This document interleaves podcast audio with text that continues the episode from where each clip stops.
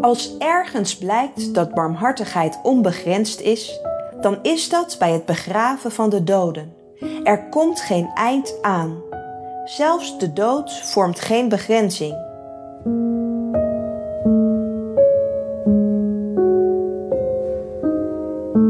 In een serie van zeven podcasts bespreekt Arthur Alderliesten de zeven werken van barmhartigheid met het oog op het leven in crisistijd. Hij verbindt die met reflecties vanuit het leven en werk van Dietrich Bonhoeffer.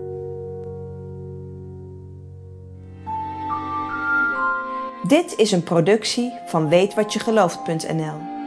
In deze podcast, aflevering 2, De doden begraven.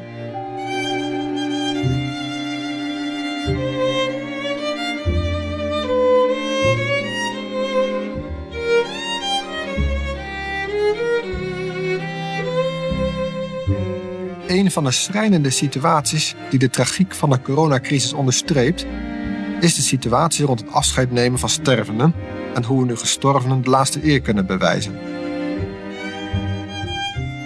Hoe kun je een afstand houden van anderhalve meter terwijl je met corona besmette geliefde voor de poorten van de dood ligt?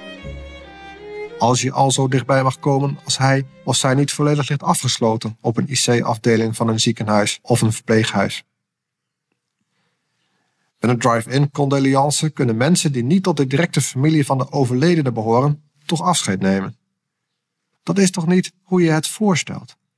En hoe beperkt is de laatste eerbewijzen met niet meer dan 30 aanwezigen?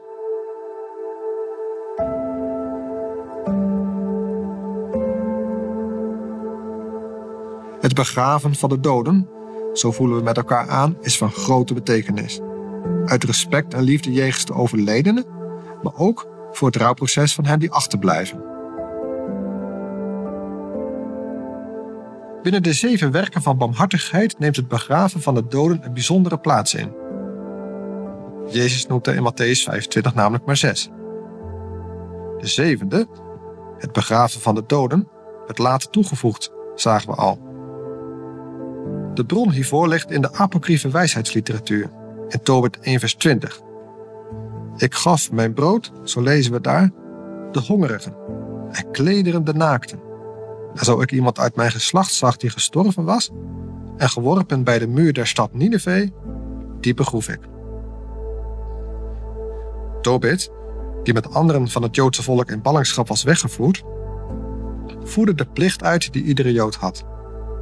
Het begraven van iemand die geen familie meer had, woog zelfs zwaarder dan de reinheidswetten. Hij deed het met gevaar voor eigen leven. Toen de koning van Nineveh hoorde dat hij doden begroef, moest Tobit namelijk vluchten voor zijn leven. In de tijd dat paus Innocentius III dit werk toevoegde aan het zestal, aan het begin van de 13e eeuw, betekende het begraven van de doden nogal wat. Allereerst in de hoeveelheid werk, want de dood was meer aan de orde van de dag dan nu. Het kindersterftecijfer was hoog, de levensverwachting laag en ook door de vele oorlogen en ziekten waren er veel sterfgevallen. Vanwege de veelal besmettelijke ziekten was het ook risicovol om met de dode lichamen om te gaan. Door de pest en allerhande epidemieën liep de doodgraven kans zelf besmet te raken. De doden begraven, dat is tot hier aan toe. Maar met gevaar voor eigen leven? Binnen de kerk geldt het niettemin al bijna een millennium als een werk van barmhartigheid.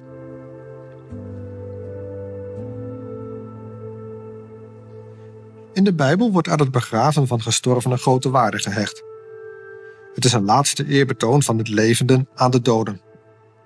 Zoals uit diverse Oud- en Nieuwtestamentische geschiedenissen blijkt, ging het gepaard met een heel ritueel. Het belang van een begrafenis bij voorkeur in eigen land en bij de familie, is groot. Denk alleen maar aan de beneren van Jozef, die door het volk Israël werden meegenomen op een 40 jaar durende tocht naar het beloofde land, om volgens zijn laatste wilsbeschikking daar begraven te worden.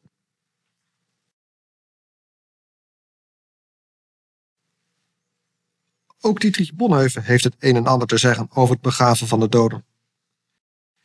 In een preek over Lucas 13, vers 1 tot en met 5 hekelt de Duitse prediker mensen die geen begrafenis willen bijwonen, die zich niet in de directe nabijheid van een dode willen ophouden, die die kant van het leven gewoon niet willen zien.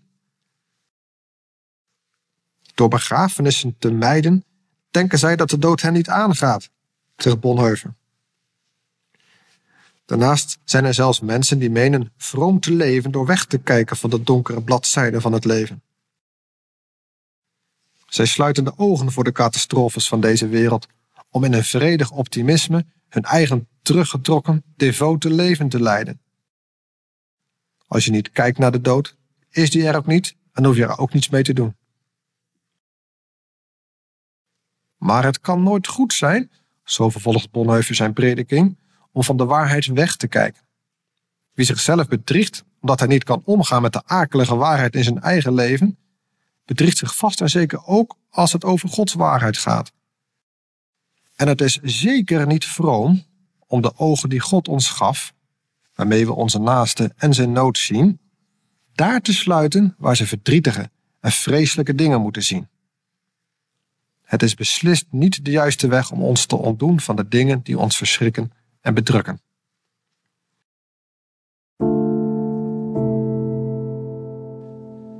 In het cursusjaar 1936-37 geeft Dietrich Bonhoeffer zijn studenten een cursus homiletiek, predikkunde. In een onderdeel daarvan beklemtoont hij het belang om bij het spreken op begrafenissen een groot accent te leggen op de betekenis van de opstanding van Christus en zijn wederkomst. De dood van een christen is niet tragisch. Voor de christen telt niet de dood, maar de wederkomst. En dan zegt Bonhoeffer treffend: Eigenlijk zeggen de doden tot de levenden: Jullie zijn de stervenden en wij de levenden.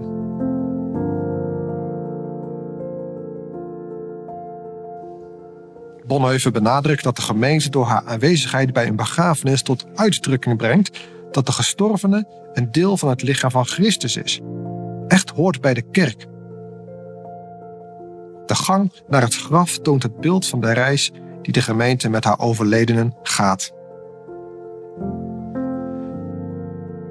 Het zorgen voor de doden laat als geen ander werk van barmhartigheid de mateloosheid van het christendom zien. Barmhartigheid houdt niet op. Na alle palliatieve en terminale zorg is het nog niet klaar. Ook wanneer de ziel het lichaam heeft verlaten, houdt het lichaam waarde. Het verdient zorg, bescherming en bewaring tot de jongste dag. Daarom is het begraven van de doden een werk van barmhartigheid. Vanuit het aardse beredeneerd lijkt dit werk van alle zeven het meest zinloos en nutteloos. Want wat heeft een dode eraan dat er zorg wordt besteed aan zijn lichaam waaruit het leven is weggevloeid? Doden begraven is bij uitstek een onbaatzuchtige daad. Een dode geeft in geen enkel opzicht iets terug.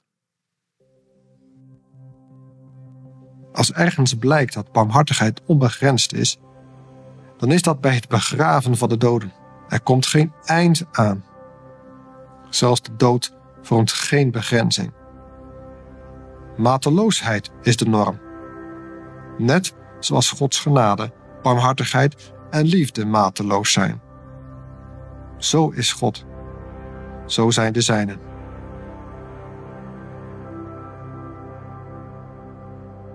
Tot slot een gedeelte uit Bonhoeffers gedicht Stadia op de weg naar de vrijheid. Boven dit vers staat: Dood, Kom snel, hoogste feest, op weg naar de eeuwige vrijheid.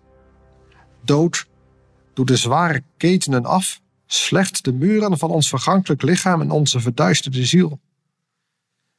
Eindelijk zullen we aanschouwen wat ons hier niet is gegund te zien. Vrijheid. Lang zochten we je in tucht, in daad en in lijden. Stervend herkennen we jou in het aangezicht van God.